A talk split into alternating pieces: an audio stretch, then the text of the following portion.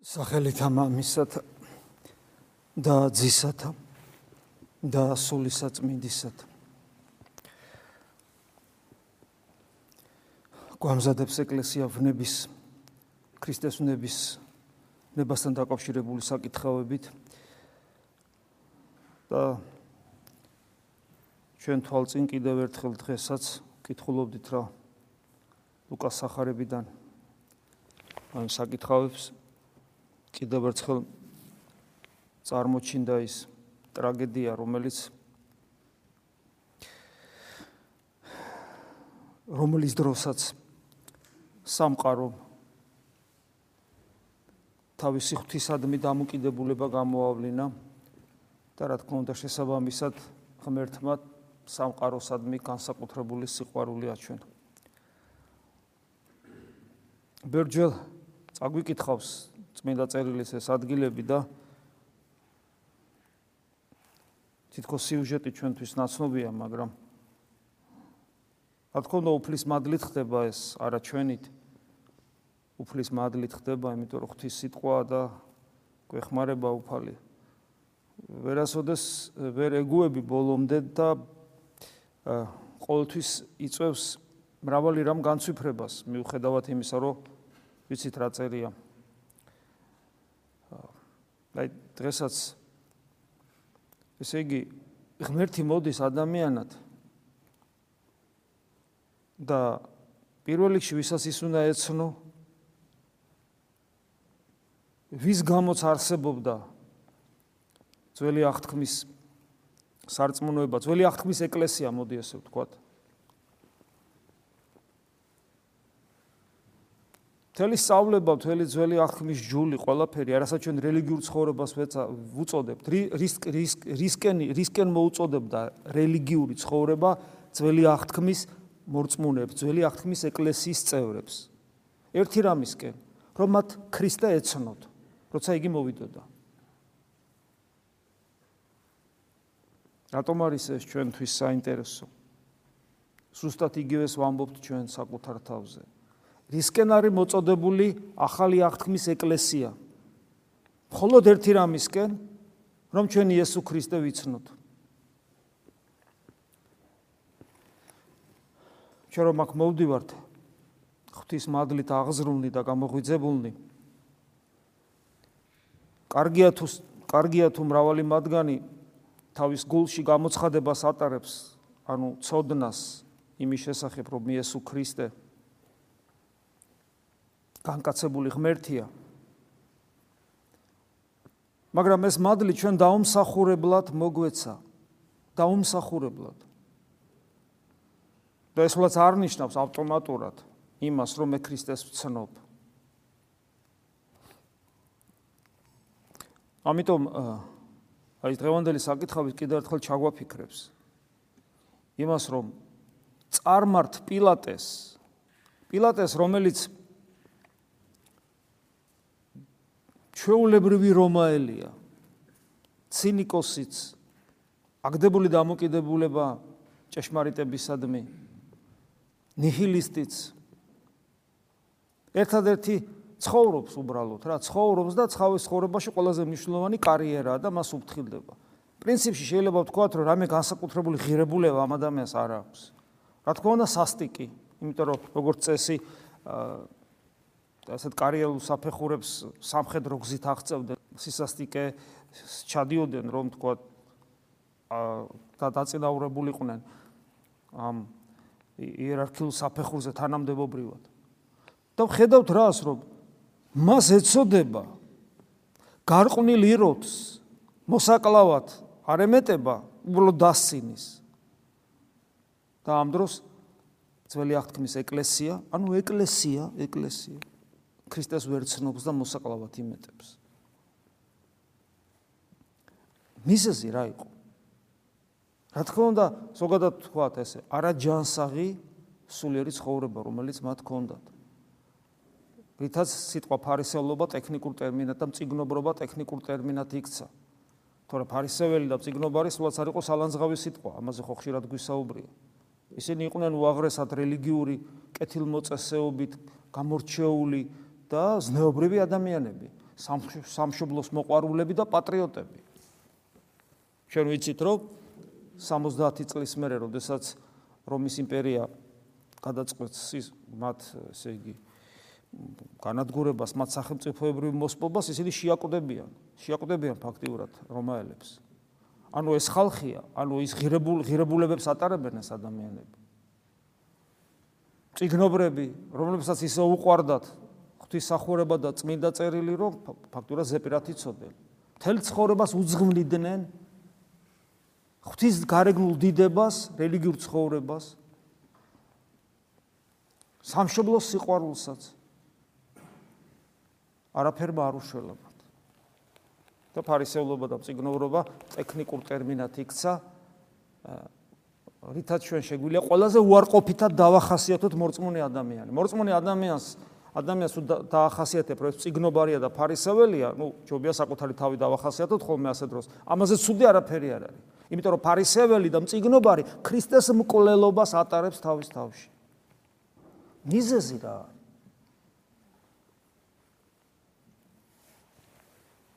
სიამაყე და ამპარტავნება. იმდანად მოიხიბლენ საკუთარი სწორი ცხოვრების წესით, სწორი მსოფხედველობით, სწორი რელიგიური ცხოვრებით, სწორი პატრიოტიზმით, ყველაფერი სწორი ქონათ ამ ადამიანებს. იმდანად მოიხიბლენ. რომ აი ესეც დემონურ სიამაყეში ჩავარდ ჩავარდენ ფაქტობრივად აი რაც დაემართა იმ დიდ სინათლის ანგელოს ქერუბიმს რომელიც სატანად გადაიქცა. ვისაც მეტი მიეცა მეტი მოეთხოვება.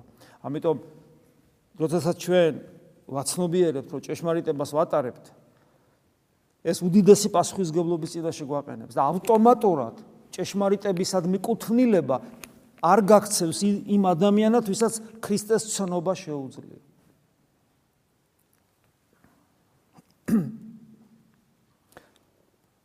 აი დღესაც იუდა მოციქულის ეპისტოლეს კითხვას ვაგრძელებდით 60 ქულოში ეს ავიკითხეთ და გახსოვთ წინაზე რას წერდა იუდა მოციქული რომ რა ტიპის მორწმუნეებზე წერს იმ ტიპის მორწმუნეებზე რომლებიც ბილწავენ საფრთხო მადლს ნუ ვიფიქრებთ რომ ეს ვიღაცებზეა საუბარი ეს ჩვენზეა საუბარი ხო გესმით იმიტომ რომ ჩვენთვის სამოძღრებლად დაიწერა და ჩვენზე საუბრობს, ჩვენზე. ზოგადად იუდა მოციქული მაშინდელ ქრისტიანებზე საუბრობს და მაშინდელ ეკლესიის წევრებზე და რა თქმა უნდა გვეკითხება, იმიტომ რომ ეს ჩვენზე საუბრობს. რას ნიშნავს მადლის შებილწვა?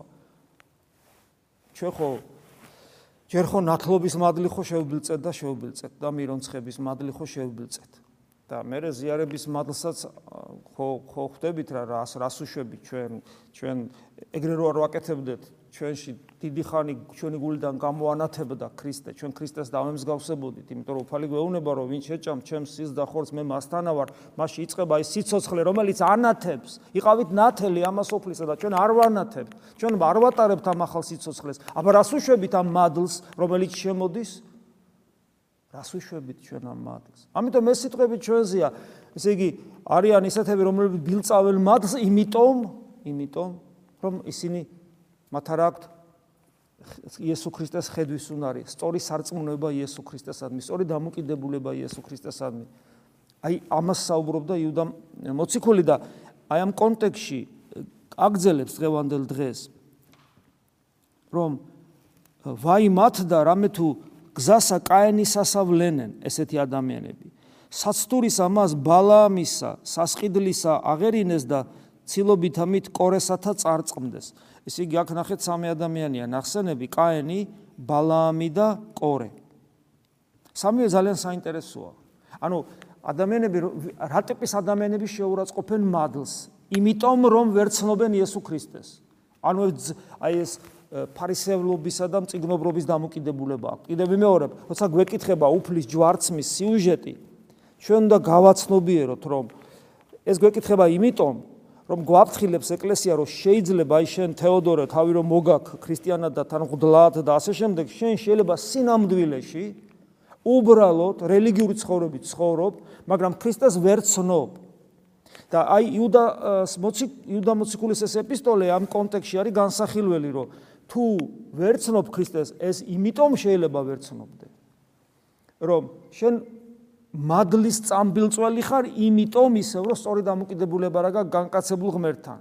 და შემდეგ აი ამ კონტექსში არის ყოველი მუხლი ახლა განხილული. ანუ და სამი ადამიანი მოყავს მაგალითად. კაენი, რატო კაენი? იმიტომ რომ კაენს ზულს თავისი ძმა.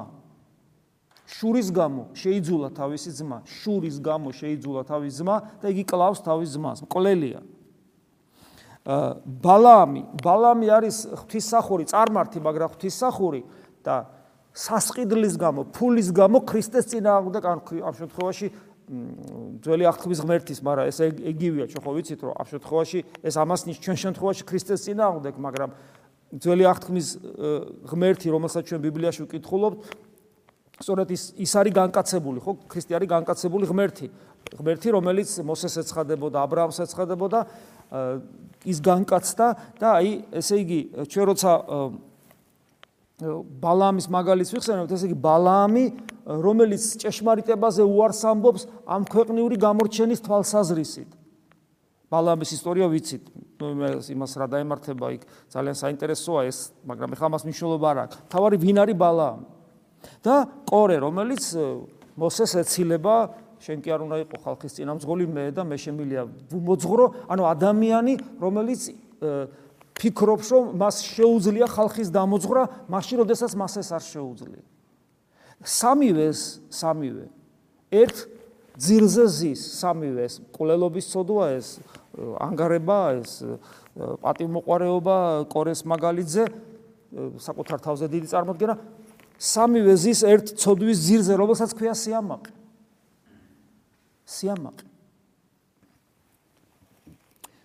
აა შემდეგ აგძელებს ახალ ქართულად წაიკითხავთ უფრო გასაგები რო იყოს. და ძალიან საინტერესოა ახლა ეს. ესენი არიან რომელნი სიყვარულით ამათ თქვენთა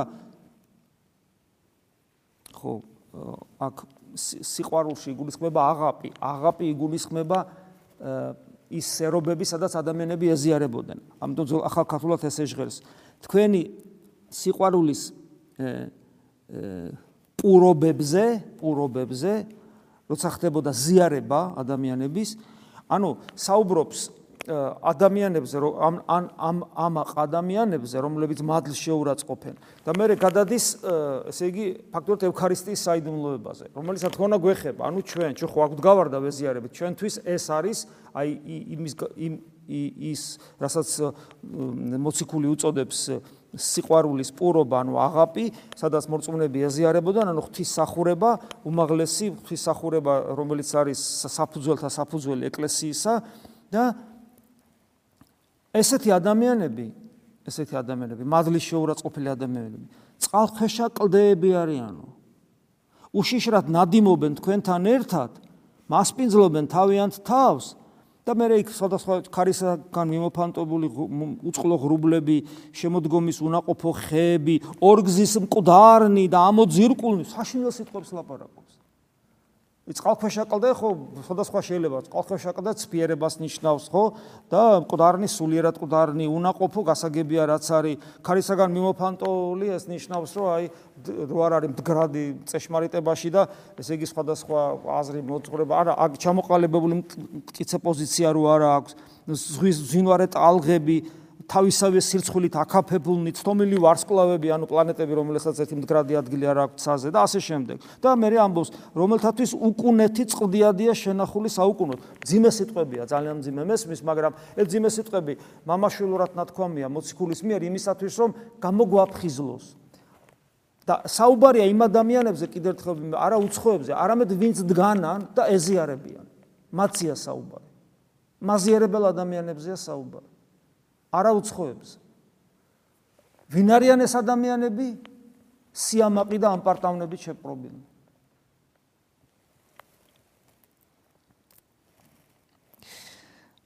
ისინი ტვინავინი არიან, უკმაყოფილონი არიან, თავისი გულისხმებს აყოლილები არიან, მათი მაგე ბაგები მაღალფარდოვნებ, მაღალფარდოვნად მეტყოლებენ, პირფერობენ ანგარების გამო და ასე შემდეგ. უკმაყოფილება და დრტვინვა. დაბალი ადამიანის ერთ-ერთი თვისება, როგორც აი სილვანათენელი ძალიან ბევრ საუბრობს ამაზე, თავდაბალი, დაბალი ადამიანი, ანუ სიამაყის საპირისპირო საპირისპირო მდგომარეობაში მყოფი ადამიანი. დაბალი ადამიანის ერთ-ერთი თვისება ეს არის მორჩილება. და მორჩილება ნიშნავს, რომ ასეთი ადამიანი არ დრტვინავს, არ წუწუნებს და არავის არ განიკითხავს. და კმაყოფილია ყველაფრით, იმიტომ რომ მან იცის, რომ ღმერთის გარეშე არაფერი არ ხდება ამ სამყაროში. საერთოდ სამყარო ძნელად დასანახავია. არა მარტო მატერიალურადაც ძნელად დასანახავია, მეცნიერებით ხო ხედავ, რამდენი ვერსია არსებობს სამყაროს არსებობისა და ამდენ ხანი მეცნიერებას თავი მოსწონს, მაგრამ ბიოლოგიურადაც ვერ ვერ ბოლომდე რაღაცებზე დასკვნას ვერ აკეთებს, თუ პატარა ვირუსიც კი ვერ შეუსწავლ შეუსწავლია და ვერ მორევია, ხო? ანუ სამყარო ძნელად ახსაქმელია ზოგადად და მით უმეტეს ყოფიერება, ტრანსცენდენტული ყოფიერება, რომელსაც ღმერთი ქვია და და ასევე ტრანსცენდენტული ყოფიერების, ანუ ღმერთისა და სამყაროს და ღმერთისა და ადამიანის ურთიერთმიმართება და უმეტეს ისეთი საიდუმლოება, რომელიც ეკლესია, რომელიც ჩვენთან ღმერთის ყოფობას ნიშნავს, ძნელად გასაგები და ძნელად ახსაქმელია. ერთადერთი აი აი ამ ყოფიერებას თქვა მოდი ასე თქვა ამ ახალ ყოფიერებას ანუ სასუფეველს დედამიწაზე სასუფეველის დასაწყის დედამიწაზე ეკლესიას ხო? სხვადასხვა სხვადასხვა სექტორიდან უყურებენ ადამიანები. ერთადერთი სექტორი რითაც შეიძლება და ეს ძალიან ვიწრო სექტორია მინდა გითხრათ.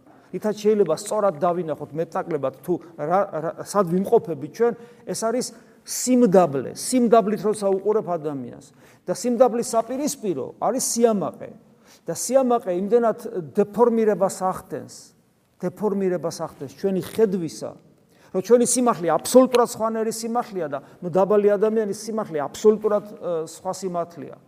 და ამიტომ ამაყი ადამიანი, რაც არ უნდა ღმადმორწმუნე იყოს, თუმცა ეს რა რწმენა არის, გარეგნულად აღსარებელი, მაზიარებელი, ქველმოქმედი, რა ვიცი, ყველაფერ თეოლოგი, რა ვიცი, ღვთელი თუ გინებავთ, რაც გინდა იყოს, სულ ერთია. სიამაყე მას იმდენ ისე ისე ისე ისე დეფორმირებას უკეთებს, მას მის ცნობიერებას, რომ შეიძლება კაცი მოკლას და თლა ჩათვალოს, რომ ეს არის სწორე და მართალი. თელი უბედურებები სამყაროში რაც ხდებოდა, ძალიან ხშირად ქრისტეს სახელით ხდებოდა. ქრისტიანულ სამყაროში და მიზეზი იყო ის, რომ მოტივირებულები ადამიანები იყვნენ ვითომ ქრისტესი და სინამდვილეში საკუთარი სიმართლით, რომელიც ეფუძნებოდა სიამაყეს. ამიტომ მათი ხედვა დეფორმირებული იყო და ვერ ხედავს ამაყი ადამიანი რეალობას ვერ აღიქვავს ისე, როგორც ის უნდა აღიქვას.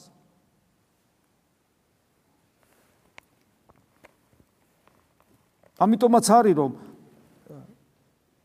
ქრისტე ერთს გეუნება და შენ მეორეს აკეთებ. ქრისტე გეუნება რომ ერთი ღერით მართა და ჩამოვარდება შენი თავი და ღვთისგანგების გარეშე. ჩიტიც კი ჩიტიც კი შემთხვევით არ ვარდება. ღვთისგანგებულების გარეშე არაფერი ხდება. და გასწავლის მორჩილებას რომელსაც ჩვენ სწავლობთ ოჯახში, ეკლესიაში, ერთმანეთთან ურთიერთობაში და 2000 სლოვანი ქრისტიანული ცივილიზაცია გვასწავლის, რომ დრტვინმა და წუწუნი არ არის სწორი. იმიტომ რომ ეს არის ამაყის ამაყი თვალებით დანახული, დეფორმირებული ხედვა. და ჩვენ ამას ვერ ვიგებთ. გვიჭირს ამის გაგება.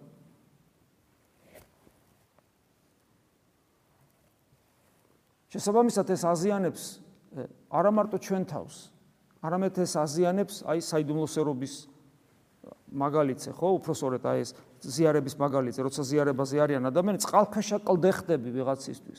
ვიღაცი ვიღაცისთვის აკაფებული ტალღები ხდები და ასე შემდეგ, ასე შემდეგ და ასე შემდეგ, ანუ სხვების დამაზიანებელიც ხდები.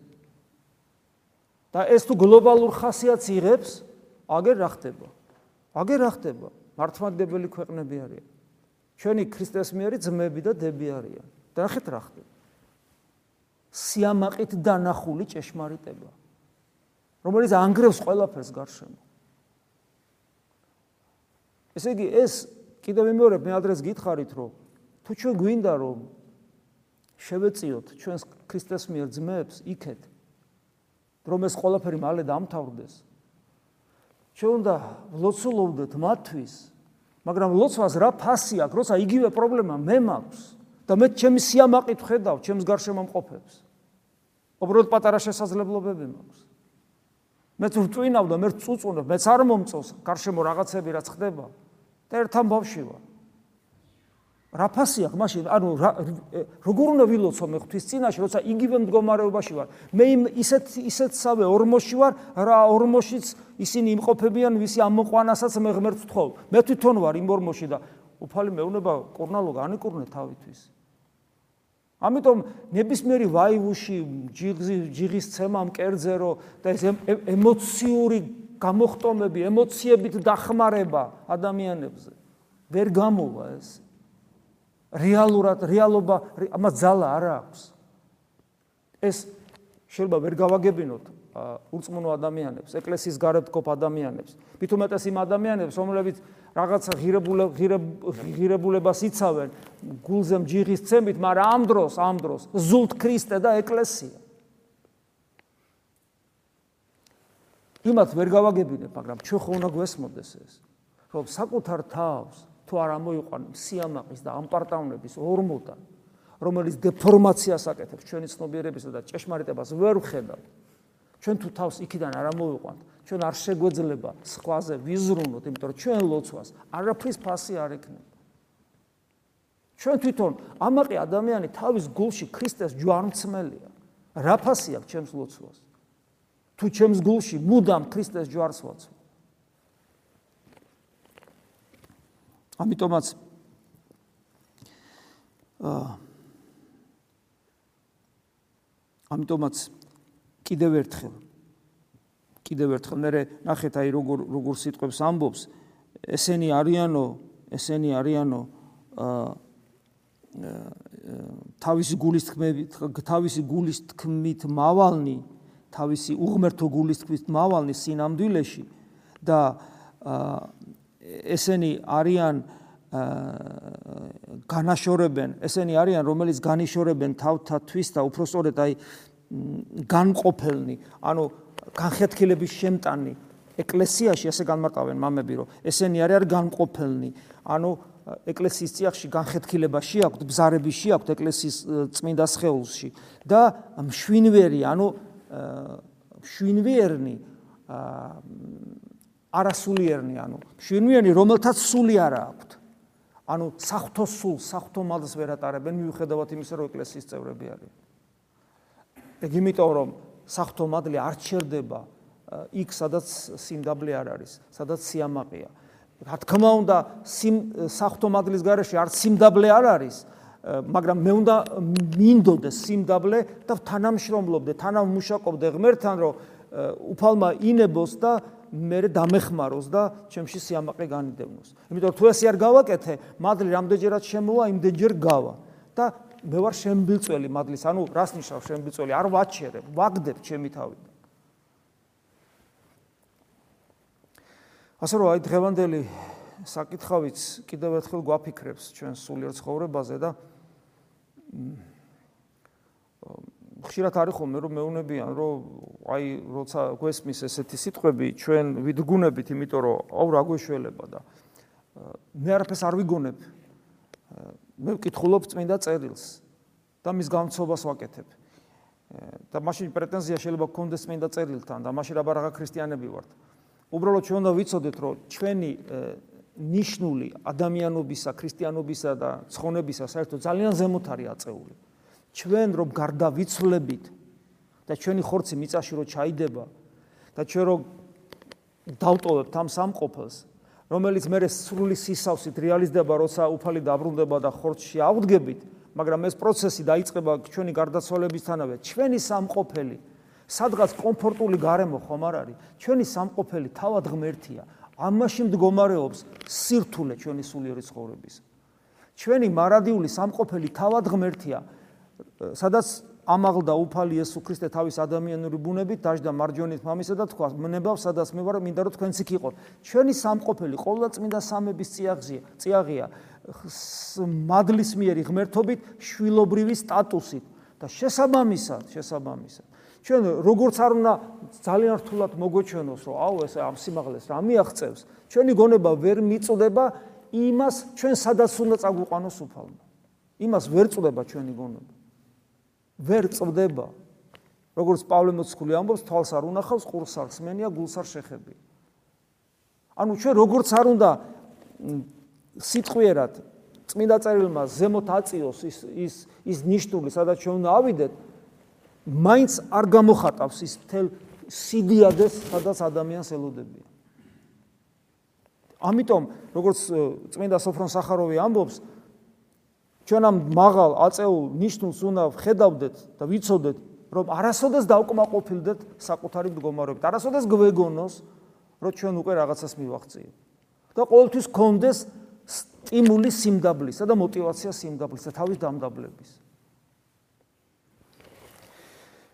შეგვეციოს უფალი და მოგცეს ძალა სწორე სულიერი ცხოვრებისა. სწორედ ასე ამგვარი სულიერი ცხოვრების შემთხვევაში ჩვენ შეიძლება განვიცადოთ ქრისტეს ჯვარცმა.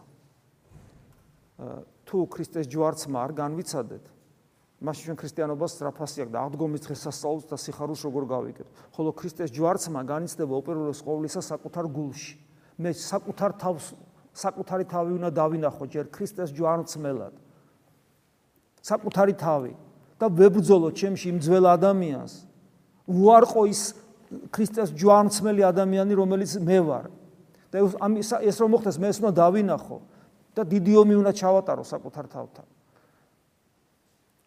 და თუ ეს არ მოხდა, მაშინ ტექსტის კითხვა და საიდუმლოებაში მონაწილეობა და მე აღდგომის სუფრაზე დაждდომა, მანამდე წირვაზე, არაფერს მომცემი არ იქნება ჩემთვის. არაფერს მომცემი, ჩემთვის ეს სპექტაკლი იქნება, მეტი არაფერი. იმიტომ რომ ჩემ შიგნით არ ხდება ეს პროცესი. და ამიტომაც დღევანდელი საკითხავით აი ამ 60 კულოთი კონკრეტულად და რა თქმა უნდა სახარებით კიდევ ერთხელ ცდილობს დედა ეკლესია რომ შიგნით ჩავიხედოთ, საკუთარ თავში ჩაუბრუნდეთ და ყველაფერი ეს გავითავისოთ.